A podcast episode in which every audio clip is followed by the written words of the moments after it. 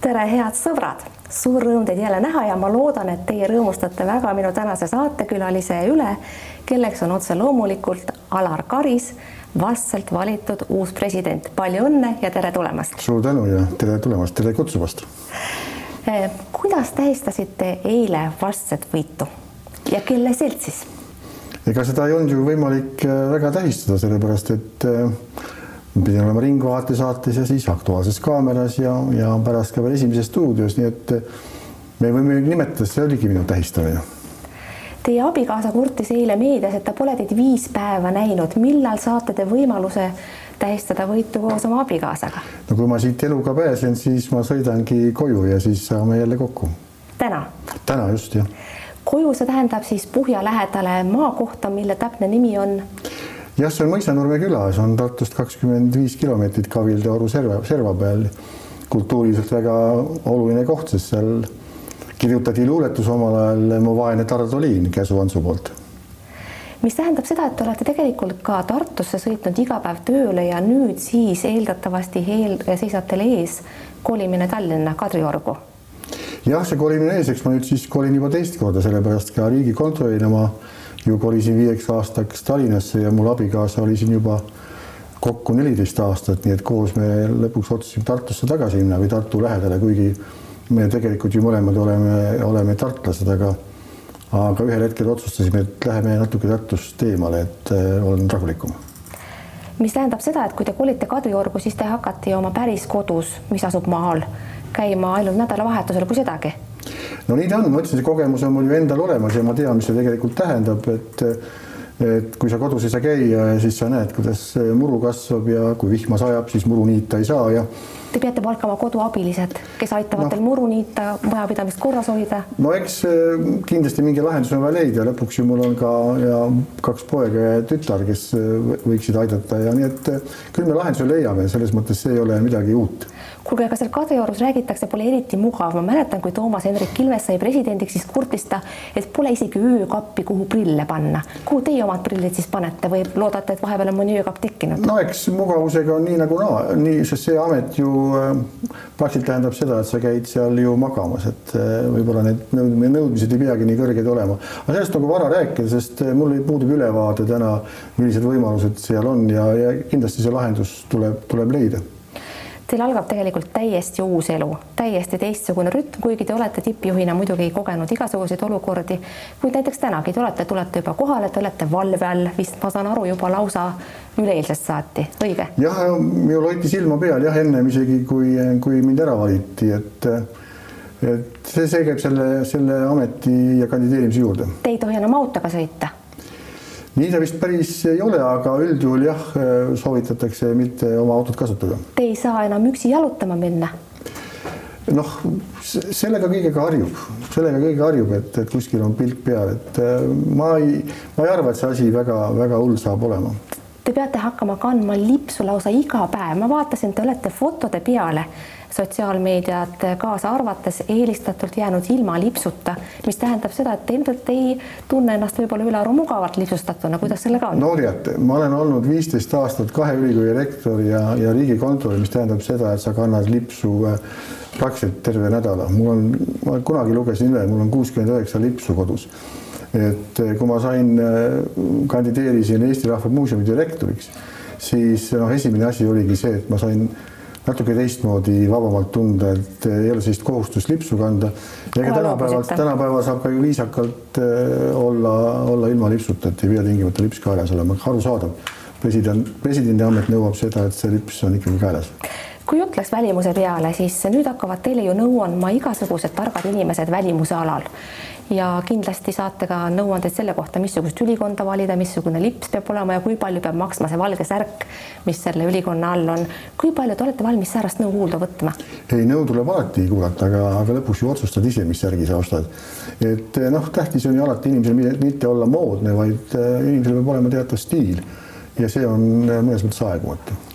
millest missugune on see piir, millest te oma välimuse tuunimisel kindlasti üle minna ei lase? No ma ei tea, mis see piir saaks olla, noh, mul on habe nüüd äh, pikemat aega, et kui keegi hakkab rääkima, et peaks päris maha ajama, siis võib-olla, võib-olla tekib diskussioon, kuigi kuigi mul on ka neid hetki olnud, kus mul habet ei ole olnud ja isegi minust on maal tehtud maaülikooli rektorina, kust ka ma, ma ise ennast ära ei tunne, nii et see habe on mul nagu jah. habe on kallis, sellest ei loobu noh, ma ei näe nagu põhjust, habe peab lihtsalt olema korrektne ja aetud ilusti, et siis eest ta ei olete sega. valmis igal hommikul laskma seda ajada mõnel teisel inimesel peale iseenda? noh, eks ma oskan ise ka habet ajada, tänapäeval on ju masinad olemas. hästi kindlasti vajate te selles olukorras ka igasuguseid oskusi, mis teil võib-olla võivad olla teistest ametitest kaasas, kuid küllap on tarvis ka uusi. kui aldis te olete õppima nii-öelda uusi trikke soliidses vanuses? oi, ma olen väga valmis, sest äh, kuna ma olen pidanud erinevaid ameteid, siis selle ametite suur väärtus ongi see, et sa sa jälle õpid, see tähendab seda, et sa ei saa muganduda, vaid sa õpid kogu aeg uusi asju, nagu te ütlete, uusi trikke nii et ma olen selleks, selleks valmis, et, et see ei ole ju päris niimoodi, et saad ameti ja siis naudid seda ametit, sul on vaja see kõik selgeks teha, sügavuti minna, mõned, mõnede asjadega veel sügavuti, et sa oled ikkagi mingis valdkonnas äh, asjatundja, et äh, kõike muidugi endale selgeks ei tee, nii et äh, eks siis, kui need trikid tulevad, need trikid sa, mis selgeks õpin millistest oskustest võib teil puudu tulla, millises valdkonnas tunnete ennast kõige eba, ebakindlamalt? No eks neid valdkondi on palju ja, ja ajakirjanduses võib lugeda seda ka, et, et võib-olla välispoliitika ei ole kõige tugevam ja et aga ma olen töötanud riigikontrolörina ja seal on ju välispoliitika valitsuse laua taga pidevalt üleval, ma olen lugenud memosid, ma olen olnud selliste kohtade peal, rahvusvaheliste kohtade peal, kus ma pean pidevalt suhtlema kõrgete riigiametnikega, see tähendab seda, et sul peab olema selle riigi välispoliitika teada ja suhe Eestisse teada, nii et see võib-olla ei paista välja, sellepärast et äh, Riigikontroll teeb auditeid ja, ja ta ei saa oma pädevusest välja minna, ehk siis, ehk siis teisisõnu ma ei saa kirjutada välispoliitilistel teemadel, kui ei ole sellel teemal tehtud audit. ja arusaadavalt äh, rektori amet on ka rahvusvaheline, tõsi, see on teistsugune, see on akadeemia, nii et mul kunagi paluti need riigid üles lugeda, kus ma tööasjus käinud olen, need sai kuskil kuuskümmend üheksa või seitsekümmend üks, ma ei mäleta. Te juba viitasite sobivasti oma eelmistele ametitele ja tõepoolest teie CV on vägagi muljetavaldav. Kuid kui teie nimi kandidaadina esile kerkis, siis hakkasin ma ilma Google'it kasutamata meenutama teie suuri saavutusi. Ja loomulikult tulid mul teie ametikohad kõik meelde, aga suuri saavutusi ei tulnud. Kas äh, tahaksite te ise võib-olla, kas siis vähemasti ühe rektoraadi asjus teha sellise põhjapanevama noh, äh, avalduse, et mis see kõige tähtsam asi oli või siis näiteks Riigikontrolli ajast, mis võib-olla on avalikkusel ka üsna värskesti meeles suurima saavutuse no, tavaline vastus on ju sellel puhul ikka, et suurima saavutus on veel ees. aga, aga jah, et ma arvan, et igas ametis, mis ma olen pidanud, on üks suur saavutus äh, olemas, sellepärast et ega Neid väikeseid asju on kindlasti, aga. aga nimetage need suured no, saavutused. noh, alustame, alustame kasvõi teadlasena.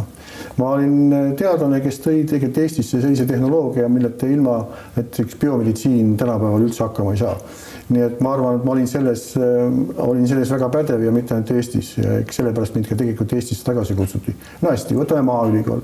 seal ma tegin väga selge struktuurireformi, kus, kui ma lugesin seal kokku, seal oli üheksakümmend üks äh, struktuuriüksust, mõnel oli ainult äh, juhataja, nii et sai tugev struktuurireform tehtud ja väga suur turbulents tegelikult ka, ka avalikkus sellega.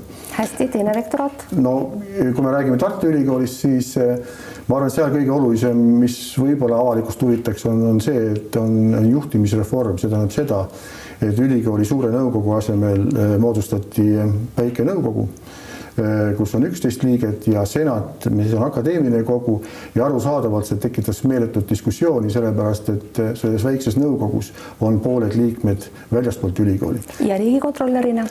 no riigikontrolörina ma arvan, et iga aasta iga raport oli, oli omaette, omaette väärtus ja ja noh, viimane raport, mis mulle ja vahepeal oli veel, ma arvan, oluline see näiteks, et ma vähendasin bürokraatiat ja, ja me ei hakanud nõudma, kaotasin ära Eesti riigis sellised iga-aastased aastaaruanned, mida keegi ei lugenud, mida kellelegi vaja ei olnud ja, ja üks koondaruanne sellest piisas. Ja, ja eks kui ma lahkusin, siis ma tegin ka väikse hoiatuse, et, et kui et ühel hetkel saavad eurorahad otsa, et aeg on nagu mõelda, kuidas ise hakkama saada. poliitikutega tõesti olete pidanud suhtlema oma ametites mitmel moel ja mitmel, mitmel tasandil.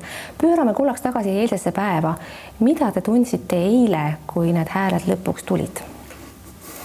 no see, see tunne on selline, et seda tunnet tegelikult sel hetkel ei ole, sa muidugi noh, sa ajud või tajud seda, et, et, et nüüd on see siis olemas. Aga see selgus saabub ikka hilisemate päevadega, kui sa hakkad mõtlema, mis täna see nii-öelda ägustes piirides arusaamine, mis presidendi amet on, saab selgemad piirid. nii et too, see hetk on noh, korraks on selline hea tunne, et näed ikkagi ühelt poolt parteid suutsid kokku leppida ja lähenesid võib-olla endale ja, ja suutsid siis äh, põhiseaduse kohaselt äh, ära valida tulevase presidendi. oli see teie jaoks kergendus, et kolmandasse vooru ei mindud ajakirjanikele teatavasti? Ja ma arvan ka Eesti avalikkusele, kes oli kogu sellest protsessist juba mõnevõrra tüdinud ja väsinud, oli see teatav kergendus ilmselt teile ka, kuigi te eeldatavasti teadsite päris täpselt, et olgu kolmas voor või olgu valimiskogu, valituks saate te kindlasti ei, seda kindlasti ei olnud ju, ei olnud kellelgi, et see valituks saab. noh, ikka inimesed on inimesed, nad väsivad, kuigi parlamendiliikmed on harjunud ju ka ööistunguid pidama, nii et minu roll oli väga väike, mul oli vaja aeg-ajalt jälle tagasi tulla ja istuda rõdu peal ja vaadata siis, kuidas hääletamine käib või hääli loetakse.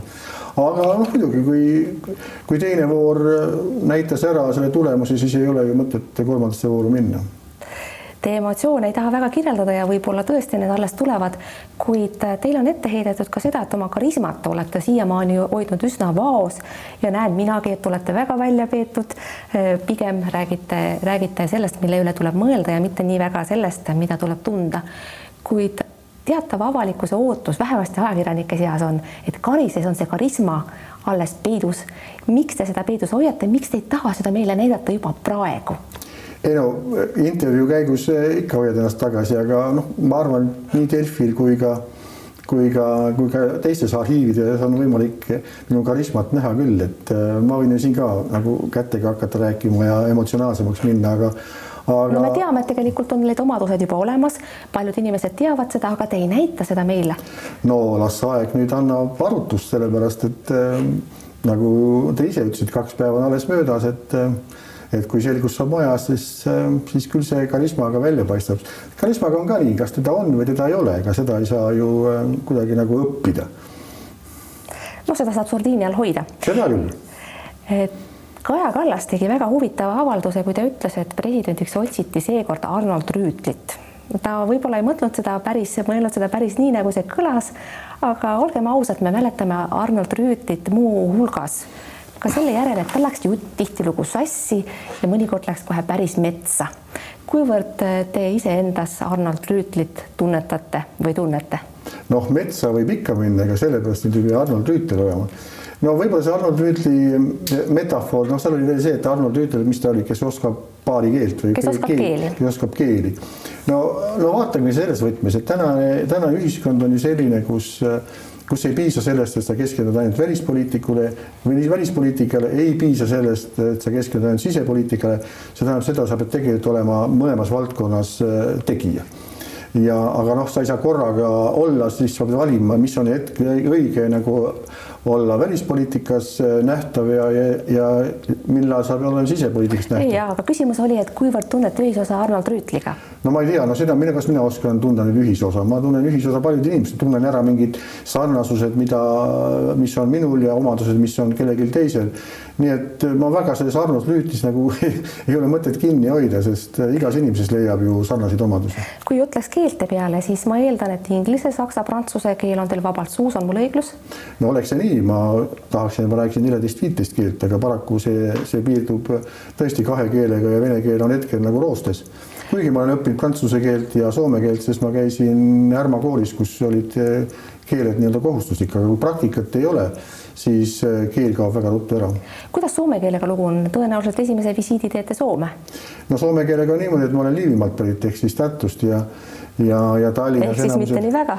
ei, kindlasti mitte nii väga jah, ega soome keelega on muide üldse probleem, sellepärast et soome keele oskajate arv Eestis väheneb ja, ja, ja seda tunnistavad ka asjatundjad Vene keeles lubasite rääkida Eesti venekeelse kogukonnaga, kui hästi vene keelt oskate ja kuidas kavatsete seda värskendada?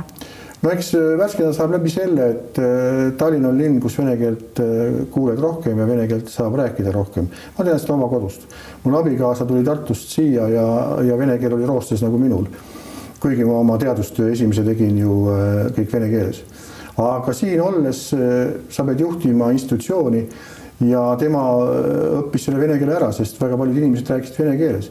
ja minu arusaam ongi sellest, et kui, kui inimene ei oska sinuga rääkida eesti keeles või mõnes kolmandas keeles, siis tuleb püüda rääkida tema emakeeles ja, ja rääkida nendest asjadest et näiteks kasvõi sellest, et eesti keel on mõistlik ära õppida, kui siin Eesti riigis hakkama saada ja et kuidas seda koolisüsteemi muuta selliseks, et see oleks võimalik, sellepärast et keskkond täna ju ei soodi, soosi seda enam Ida-Virumaal. Need on keerulised küsimused, need ei ole lihtsad.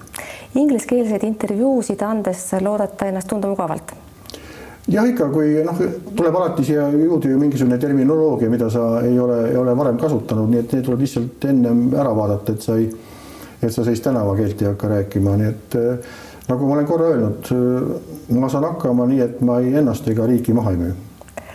seda on hea teada. Kersti Kaljulaiuga eelmise presidendiga võrreldes olete seni oma sõnavõttudes olnud ikkagi oluliselt kehvem ja ümaram ja kui ma teie intervjuusid loen, siis ma mõtlen vahest ütlemise peale sõin ja jõin seal minagi, suhu ei saanud midagi. miks äh, olete olnud nii ettevaatlik, nii ümmargune ja kas peaksime kartma või mõni võib-olla ka lootma, et see jääbki nii? no vaadake, asi on ju väga lihtne, et kui, et olla konkreetsem, selleks peaks olema, sul peavad olema memod, sul peavad olema vastavad äh, faktid, et sa saaksid konkreetseks minna. mul täna teatavas valdkondades seda ei ole, ka erakondade kohtudes. Nemad räägivad konkreetsest seadusest, neil on seletuskiri veel meeles minul seda enam meeles ei ole ja seetõttu äh, ei saa ma väga konkreetseks minna, et äh, arusaadav, istuval presidendil, istuval rektoril on alati suur, suur eelis faktidega nii-öelda žongleerida. nii et see alati jutu konkreetseks ja noh, valimise protsess ise on ju tegelikult selline, mitte et sa ei peaks kõigile, pead kõigile meeldima, aga sa pead väga hoolega oma, oma seisukohta sõnastama. nii et seda valesti ei tõlgendataks arusaadav, te muide Kersti Kaljulaiuga kohtusite eile Kadriorus hilisel lõunasöögil ja ma vaatasin nüüd fotode pealt, et teie suhe on väga soe. kui hästi teineteist tunnete, kui hästi läbi saate? ei, me saame väga hästi läbi, sellepärast et ka eile me äh, lõunanaas rääkisime väga-väga olulistest asjadest, mis on ka üldised äh, taustainfo rohkem aga mina olin Tartu Ülikooli rektori see, kes kutsus Kersti Laiulaiu Luksemburgist äh, Tartu Ülikooli kuratooriumisse ja hiljem Tartu Ülikooli nõukogusse, millest me just rääkisime ja ta sai Tartu Ülikooli nõukogu etteotsa. nii et ma ei taha öelda, et ma oleksin Kersti Laiulaiu maaletooja, sest ta oli varem ju ka Kuku raadios käinud oma saateid tegemas, aga ikkagi teatav side sealt tekkis ja, ja, ja lõpuks mina olin ju riigikontrolör ja tema töötas samas valdkonnas Luksemburgis, nii et me suhtlesime tihti ja ta iga aasta käis Riigikontrollis ka rääkimas, mis, mis Euroopas asjast arvatakse, nii et me oleme selles mõttes, kuidas öelda, mitte väga vanad tuttavad, aga head tuttavad. aga siiski, vaatasin, et teil on olemas ka Twitteri konto, kuid seal on eile oli teil kakskümmend viis järgijat ja kui ma nüüd hommikul vaatasin, siis oli üle saja natukene. ise ei järgi te kedagi ja mitte ainsatki tweet'i pole te väljastanud. kuidas nii riigipeana te midagi säärast endale lubada ei saa, millal see konto aktiveerub ja kes seda täitma hakkab? mis te tahate kellaaega teada või päeva teada? mina olen Twitteri konto mul ammust ajast, ma ei ole seda kasutanud, ma olen. miks te ma... selle tegite omal ajal siis? noh, igaks juhuks, kasvõi sellepärast, et keegi ei teeks minu nime all seda. aga, aga ma olen kasutanud jah Facebooki ja, ja ka riigikontrolli ametis olid mul ametlik Facebook. noh, pärast seda olen ma lõbustanud ennast äh, tavalises Facebookis lihtsalt pigem nagu päevikut pidanud ja, ja ja, ja sekkunud siis mitte poliitikasse, vaid teistesse eluvaldkondadesse, nii et. aga Twitter muutub aktiivseks, ma eeldan. Twitter? jah. No eks seda ma pean mõtlema, ega neid vastuseid ei tule teisel päeval et see, ega see Twitteri konto ei ole niimoodi, et, et keegi teine hakkab seda tegema. teate, riigipeade puhul see sageli niimoodi on. no vot, sellepärast äh, ma kaalun väga sügavalt, et kas Twitteri kontoga edasi minna, sest äh, need on lühikesed säutsud ja, ja see eeldab ikkagi seda, et sa oled kogu aeg mobiilis ja ja siis püüad kommenteerida, mis ümberringi toimub. Mina oleksin kohutavalt pettunud, kui see konto jääbki inaktiivseks, tehke ikka aktiivseks, et ma saaksin no. teid seal järgida. no teeme nii, et noh, peaasi, et teie pettunud ei ole muidugi. võtame sõnast. kuid kui juba ütleks nõuandjatele, kes võivad ju ka olla sageli presidentide puhul ja ka teiste poliitikute puhul need, kes selliseid kontosid täidavad või vähemasti annavad nõu, kuidas neid täita, siis rääkigem ka nendest inimestest, kellega te kavatsete ennast ümbritseda. ma eeldan, et teil võiks juba olla taskust võtta tulevase kantselei ülema büroojuhi nimi. Öelge see meile ka palun no,. kahjuks ei ole, ma ütleks teile kohe sellepärast, et mm, noh, see on teine päev ja, ja kuna see kõik nagu üks ajakirjanik ütles, oli nagu turbulentne, turbulentne või turbo, turbo, kuidas see oli, turbo mm, valitsusjuhi valimine või, või mitte valitsusjuhi, vaid riigijuhi. et see aeg oli nii kiire et. ei saa olla, et teil pole ükski nimi peast läbi käinud, ma ei usu teid, see ei no, ole võimalik. see on teie usk, aga ma pean sellega tegelema, sest aeg on, aeg on väga lühike ja ja, ja kindlasti ma neid leian, need inimesed on kindlasti olemas. see ei puuduta ainult mitte eh, kantselei direktoreid, vaid see puudutab ka välisnõunikku, see puudutab äh, riigikaitsenõunikku või kaitsenõunikku. Ja see tähendab seda, et peab suhtlema väga selgelt Välisministeeriumi ja Kaitseministeeriumiga, need sammud tuleb kohe-kohe astuda Te möönate ka ise, et välisnõunik on teie ametis võib-olla üks tähtsamaid ja sellele aja järeldusele on jõudnud ka ajakirjanikud, näiteks eile siinsamas otsestuudios. kes on need välispoliitika analüütikud Eestist, kes võiksid teile nõu anda, kelle arvamusi ja seisukohti te tähelepanelikult jälgite?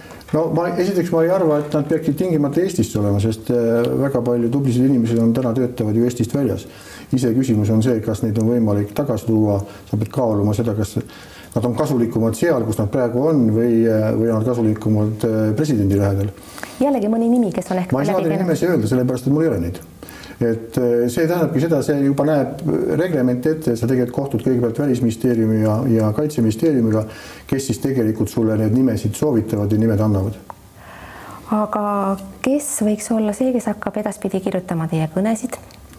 eks kõnedega on ikka tihti niimoodi, et äh, jah, alati on abisid, mul on ka elus abisid olnud ja, ja mõned kõned on ka sellised, et eh, noh, on sellised rutiinsed kõned, kus sa väga palju enam ei pea sekkuma, et ma ei taha öelda, et see on copy paste, aga mõned asjad on, on lihtsalt, mis korduvad ja, ja tuleb võib-olla natuke sõnastada ümber. aga mind on alati aidatud nii, nii selles osas, kus öeldakse, et ära seda sinna pane või see mõte on jäänud puudu või on ka keegi lisanud ise sinna midagi, see on selline koostöö. ma ei varja, mina ei ole see inimene, kes otsast lõpuni kõik kirjutab ise, aga see on minu mõtted, minu stiil ja, ja sest sa, sa ei saa petta inimesi, inimesed saavad kohe aru, kas, kas see on sinu kõne või on see kellegi teise kõne nii see tõepoolest on. jõudsime rääkida põgusalt välisnõuniku vajadusest ja kompetentsi toetamisest selles vallas räägime sellel taustal ka mõne sõna Afganistanist, pigem lühidalt kui pikalt, sest süveneda me selles formaadis väga ei jõua. hästi konkreetselt, kas äh, Joe Bideni otsus viia väed Afganistanist välja oli õige? no me oleme täna ka siin ka Eesti riigis ja ma arvan ka väli, välisministeeriumi tasemel võtnud seisukoha, et me ei hakka täna nagu süüdlasi otsima. et kas see oli õige või vale ja arusaadavalt nii nagu Biden ise ütleb, et see oli mõnes mõttes hädavajalik, see kiire väljaminek, sellepärast et sellepärast et sõdurid olid ohus ja, ja, ja nüüd see tähtaeg ongi möödas. aga mis on teie arvamus? noh, kindlasti äh, no ütleme NATO riigina väga hoole, hoolega vaadatakse seda, ilmselt ka NATO riigid täna ka hakkavad seda arutama, mis see tegelikult tähendab. ja see ei olnud ju Bideni otsus, see oli ka juba eelmise administratsiooni otsus. nii et tegelikult nii demokraadid kui vabariiklased olid selle otsuse taga kindlasti seal on siseriiklik mõju ja, ja, ja palju teisi aspekte, aga hinnangute andmine on praegu nagu teisejärguline, seda on teinud äh, endine peaminister Blair väga selgelt, et see oli viga. aga ma arvan, et praegu on tähtis, et vaadata, kuidas olukord seal on ja et me, need inimesed, kes seal on siis ka meid aidanud, et, et nemad saaksid kuidagi sealt äh, rahulikuma paika Afganistanist äh, võib saada suure tõenäosusega terrorismi kasvulava ja terrorism on see teema, millest me oleme viimastel aastatel kõnelenud palju vähem kui, kui võib-olla ütleme niimoodi viis või kümme aastat tagasi.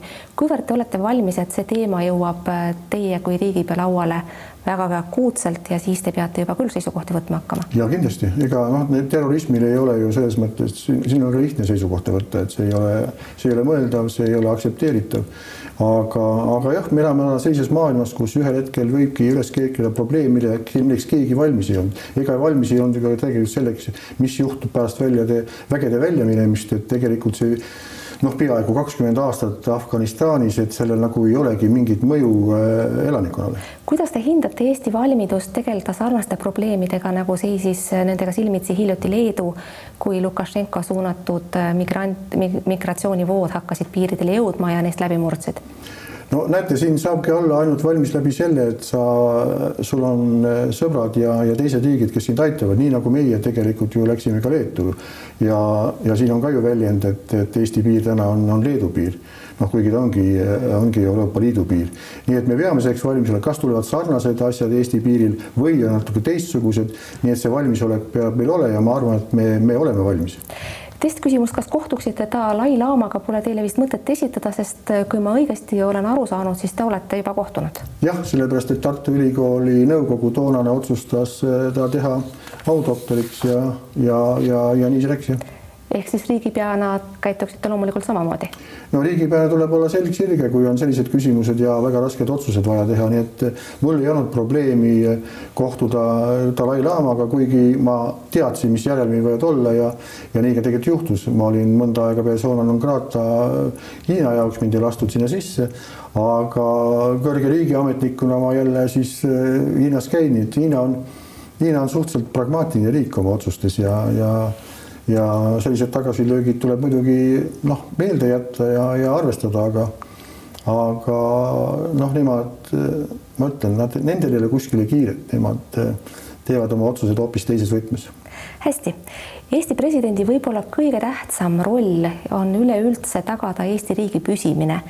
Ja miks ma sellele teemale üldse juttu viin, on selle põhjuseks on ajalooline trauma, mida me mäletame kõik ja oleme kogenud, ka meie teiega oleme sellel ajal elanud, mis oli selle, selle ajaloolise trauma tulemuseks. kuivõrd olete kindel, et leiate endas äh, jõudu, sirget selgroogu ja otsustavust ennast kehtestada väga kriitilistel hetkedel, mis tulenevad meie geopoliitilisest asendist? See küsimus on tegelikult mõnes mõttes isegi, ma ei taha öelda kohatu, aga ma ei kujuta ette riigipead, kes sel hetkel, kui riigi julgeoleku, riigi püsimajäämine või iseolemine on, on ohus, et, et riigipea siis hakkab vaatama, kus, kust laevapileti saab või, või hakkab käituma teistmoodi. ei, kindlasti riigipea peab, siis sel hetkel olema väga selgel positsioonil ja, ja ma ei taha öelda, et lipp ees rahva ees olema, aga, aga väga selged sõnumid andma oma, oma kodanikele on kardetud, et sise, kardetud ja ühtlasi ka loodetud, et sisepoliitikasse te kuigivõrd ei sekku ja ausalt öeldes olete te välja öelnud ainult ühe kriit-, parteikriitilise lause, mis käis siis Jüri Ratase selle valitsuse kohta, millesse kuulus ka EKRE. kuid mäletatavasti selles valitsuses see konkreetne üks viidatud partei esindas ikkagi kohati väga selgelt rassistlikke, misoküünseid ja homovaenulikke seisukohti. kui need kui sellised asjad peaksid uuesti korduma eeldusel, et seesama partei saab uuesti valitsusse, kust jookseb siis teie jaoks see punane joon, mil te loobute sellisest äh, parteiülesest positsioonist ja ütlete ei, nüüd aitab? no kui moodustub järgmine valitsus, kus näiteks on EKRE ja seal on äh, ministrid, kes, kes on oma väljaütlemistes, väljaütlemistes noh, vastuvõetamatud, siis ma arvan, üks tee on see, et enne kui valitsust moodustatakse, on mõistlik rääkida peaministriga ja juhtida talle tähelepanu, et ta plaanib panna valitsuse sellised ja sellised inimesed, kas see on riigi, riigi jaoks kõige mõistlikum tee. kas ma sain teist õigesti aru, kui mõni Eesti partei, see saab olla siis kas Keskerakond või Reformierakond, hakkab moodustama valitsust EKRE-ga, siis te kutsute peaministri Kadriorgu ja räägite temaga, küsite, kas see on teie hinnangul mõistlik? just sellepärast, et eh, sel hetkel, kui, kui kõik üles viistatakse Kadriorgu ja valitsus kinnitas, on liiga, liiga hilja. kas peaminister või toona siis sel hetkel peaministrikandidaat arvestab sellega, see on iseküsimus, sellepärast et täna me väga hästi teame, peaminister ei moodusta valitsust. valitsust moodustavad erakonnad. Ja selle, selles mõttes on ka peaministrikandidaadil suhteliselt keeruline seda küsimust lahendada, aga vähemalt ta teab, mis on, mis on riigijuhi, riigipea seisukoht ja ta ei saa seda eirata, et seda ei ole olemas Alar Karis, eeldusel, et te jääte Kadriorgu vähemalt viieks, kui mitte kümneks aastaks, võib tulla ka päev, kus valitsust hakkab moodustama EKRE erakonna juht kuidas te sellises olukorras toimite? vaadake, ma ei jääks väga sellesse EKRE-sse kinni, ma olen siin öelnud ka, ka peale presidendivalimisi, et ma olen valmis rääkima kõikide erakondadega, et ootame selle aia ära, minuga ei ole räägitud. ma küsin seda praegu ainult põhjusel. aga see on hüpoteetiline. ja, aga ma küsin seda praegu ainult põhjusel, kuna te väljendasite ennast väga selgelt, et kui mõni teine partei hakkab tegema valitsust EKRE-ga, siis te räägite selle erakonna juhiga, kuid eeldame, et Küs... valitsust hakkab moodustama EKRE. küsimus esimes. ei ole EKRE-s, küsimus on konkreetsetes ministrites, keda sinna, äh, sinna tahetakse panna, mitte, mitte ühes parteis ja see, kas EKRE ühel hetkel moodustab valitsuse, no ootame ära, seda aega veel hetkel ei ole. nii et ja, ja ma olen ka seda öelnud, et suhtleme, kõigepealt vaatame, ma olen ka seda öelnud, et parteid ka arenevad, ma loodan, et dialoog on see, kus toimub mingisugune arusaam, et kui on radikaalsed väljaütlemised, mida te siin mainisite, et see ei ole Eesti riigile kasulik ja seda peaks ju iga partei aru saama, isegi need parteid, kes väidavad, et nad on Eesti riigi eest väljas, aga sellised väljaütlemised ei tule, ei tule kasuks. Millel põhineb teie usk, et see konkreetne erakond siiski areneb ja muutub, tal ei olnud põhjust seda teha isegi mitte siis, kui ta kuulus valitsusse? no küsimus ei ole usus, küsimus on selles, et peavad olema konkreetsed kohtumised, konkreetsed tead-, mul peab olema teatav kogemus minu kogemus on täna vaatleja kogemus, aga see ei ole konkreetne, mina tahan teada konkreetseid vastuseid, tahan teada, mis on nende plaanid, mis on nende sammud, kas nad ütlevad, see on iseasi ja see ei puuduta ainult EKRE-t, see puudutab kõiki parteisid. hästi, veel üks konkreetne küsimus, mis ei ole, mille lahendamine iseenesest ei ole teie pädevuses, kuid millele äh, antud vastus köitis minu tähelepanu, te nimelt viitasite, et mm, kooseluseaduse tühistamist te mõistlikuks ei pea kuid järgnevas selgituses viitasite, et kogu see teema on õigupoolest ainult sõnastuse küsimus ja sõnastus peaks olema selline, et see teatud ühiskonnagrupp ei, ei riivaks. sellest on väga kerge teha järeldust, et äh, homoseksuaalsed inimesed, geid, peaksid ennast siis kuidagi nagu varjul hoidma ja käituma sedaviisi, et nad teistele silma ei jääks ja närvidele ei käiks. kas ma? ei, see on hästi arusaam, sellepärast et küsimus ei ole mitte nendes inimestes, vaid küsimus on seaduse sõnastuses et see tähendab seda, et me vaatame ühiskonda tervikuna, me ei saa ja see on võrdlev kohtlemise printsiip. Olgu see vähemus või olgu see enamus, me peame neid võrdselt kohtlema, nagu üks seadus, tema sõnastus või mingi säte äh, läheb sellele vastu, siis peab president seda välja ütlema, et see on mitte võrdle kohtlemine. Ja ma arvan, et president Kaljulaid on väga selgelt ka oma, oma kas seadusi tagasi lükates või seadusi kinnitanud, kinnitanud kinnitades seda ka, seda ka teinud, nii et ma ei näe siit teist printsiipi hästi, vaatajad-lugejad said seekord ka Facebookis küsimusi esitada, lühikesed küsimused, lühikesed vastused. mida teete tingimata teistmoodi kui eelmine president ehk siis Kersti Kaljulaid? ma ei anna hinnangut eelmistele presidentidele, vastupidi. aga küsimus võtan... oli, mida teete teistmoodi? aga ma, see ongi hinnang, ma ütlen, mina teen oma asja, aga ma võtan kõik kaasa, mis eelmised presidendid on teinud ja mina president Kaljulaidiga ma tegelikult ka Kadriorus sellest rääkisin, minu küsimus oli, mis asjad on pooleli, andis kerge ülevaate, me ei jõudnud sinna sisse minna, et need, mis on pooleli, ma pean mõistlikuks, ma teen seda edasi. hästi, missugust muutust Eesti kohe vajab? Eesti vajab seda muutust, et see polariseerumine eh, kuidagi vähendada ja ma arvan, et see on väga oluline riigi arenguks. veel üks küsimus vaatajatelt lugeda, lugejatel, kas sellist Eestit me tahtsimegi?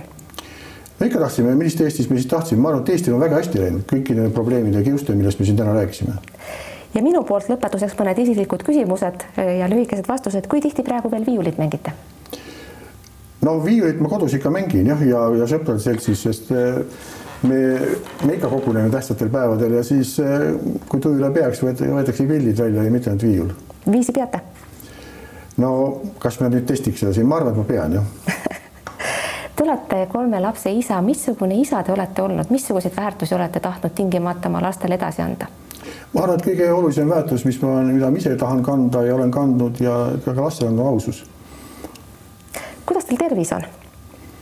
no enam-vähem missugune on teie tervisekäitumine, eelmine president teatavasti oli väga sportlik ja me kõik saime no, sellest osa sotsiaalmeedia vahendusel. arusaadavalt Eh, noh, selline töö, mis mind ees ootab, eeldab ka seda, et ma natuke rohkem tähelepanu pööraksin oma, oma, oma tervisele. Et eh, need ametid ei, mis ma olen pidanud, eh, noh, ei soosi tervist väga, väga, nii et siin, siin tuleb tegeleda sellega, jah. olete valmis oma terviserutiine muutma? jah, kindlasti olen jah, ma pean, siin ei ole mitte, kas, kas ma olen valmis, vaid ma pean. missugune muudatus on esimene? noh, võib-olla rohkem liikuda hakatuseks mida te enam ei saa teatavasti teha üksi. mis teid närvi ajab, ma olen, olen näinud, et te olete erakordselt rahulik inimene, aga no pole võimalik, et te kunagi närvi ei lähe. no ikka lähen, miks ma ei lähe närvi? no, rumalused, rumalused, mis minu arust tunduvad rumalused, lähevad närvi, ajavad mind närvi küll, jah mis te siis teete, kui te närvis olete? no siis ma püüan äh, maha rahuneda, vähemalt sisemas, et ega kui kael punaseks läheb, ega see väga välja ei paista, aga aga ma kindlasti ei hakka, hakka verbaalselt karjuma või ei hakka või ei hakka rusikatega vehkima, nii et äh, on teisi teid. Viimane küsimus Alar Karis selle intervjuu lõpetuseks, missugune raamat on teil parasjagu pooleli, mida te loete? raamatutega nii, et mul on terve hunnik raamatuid, ma võin pilte näidata, mis mul kõik seal öökapi peal on, et. nimetage mõni. no täna üks on see valitsemise maja või see maja, mis mille, mille kinkis mulle ka see paks raamat, mille kinkis mulle ka nüüd õiguskantsler, nii et mul on kaks seda raamatut, et noh, raamatutega on see häda, et mul on vähe aega lugeda ilukirjandust, nii et ma olen alati loonud seda, mida nimetatakse aimekirjanduseks ka lennujaamadest, ma ostan seda. aga nende õnnetus on see, et sa loed seal, seal lennukis ja siis ta jääbki pooleli ja siis ostad jälle uue. aga ma olen selline sirvija, mulle meeldib sirvida ja seetõttu ongi, et ma ka ajakirju tellin lisaks sellele, et nad mul digitaalselt on olemas ma siiski lisaksin veel viimase küsimuse lihtsalt puhtalt isiklikust huvist. kas ilukirjanike seas on teil mõni lemmik, võib-olla vana lemmik, ei pea olema tingimata uus? Mul ei ole, mul ei ole otseselt lemmikuid, nii nagu ka tegelikult muusikas, see muutub ajas. ja, ja ma arvan, et väga palju Eesti kirjanikke on, keda tasub, tasub lugeda vanadest klassikatest ja ka uutest, et et mul ei ole lemmikut, et peaasi, et mulle tundub, et see raamat, film, muusika, teater, et see on hea Alar Karis, ma olen teile väga tänulik, et leidsite aega stuudiosse tulla. veel kord minu õnnitlused ja loodetavasti ühinevad minuga vaatajad ja ka lugejad, kes saavad seda intervjuud tarbida siis kirjalikul kujul. aitäh, mingu teil hästi palju jõudu. head sõbrad, aitäh, et te vaatasite seda saadet, vaadake teinekord ikka jälle. mingu teilgi vahepeal hästi, olge terved, kuulmiseni, nägemiseni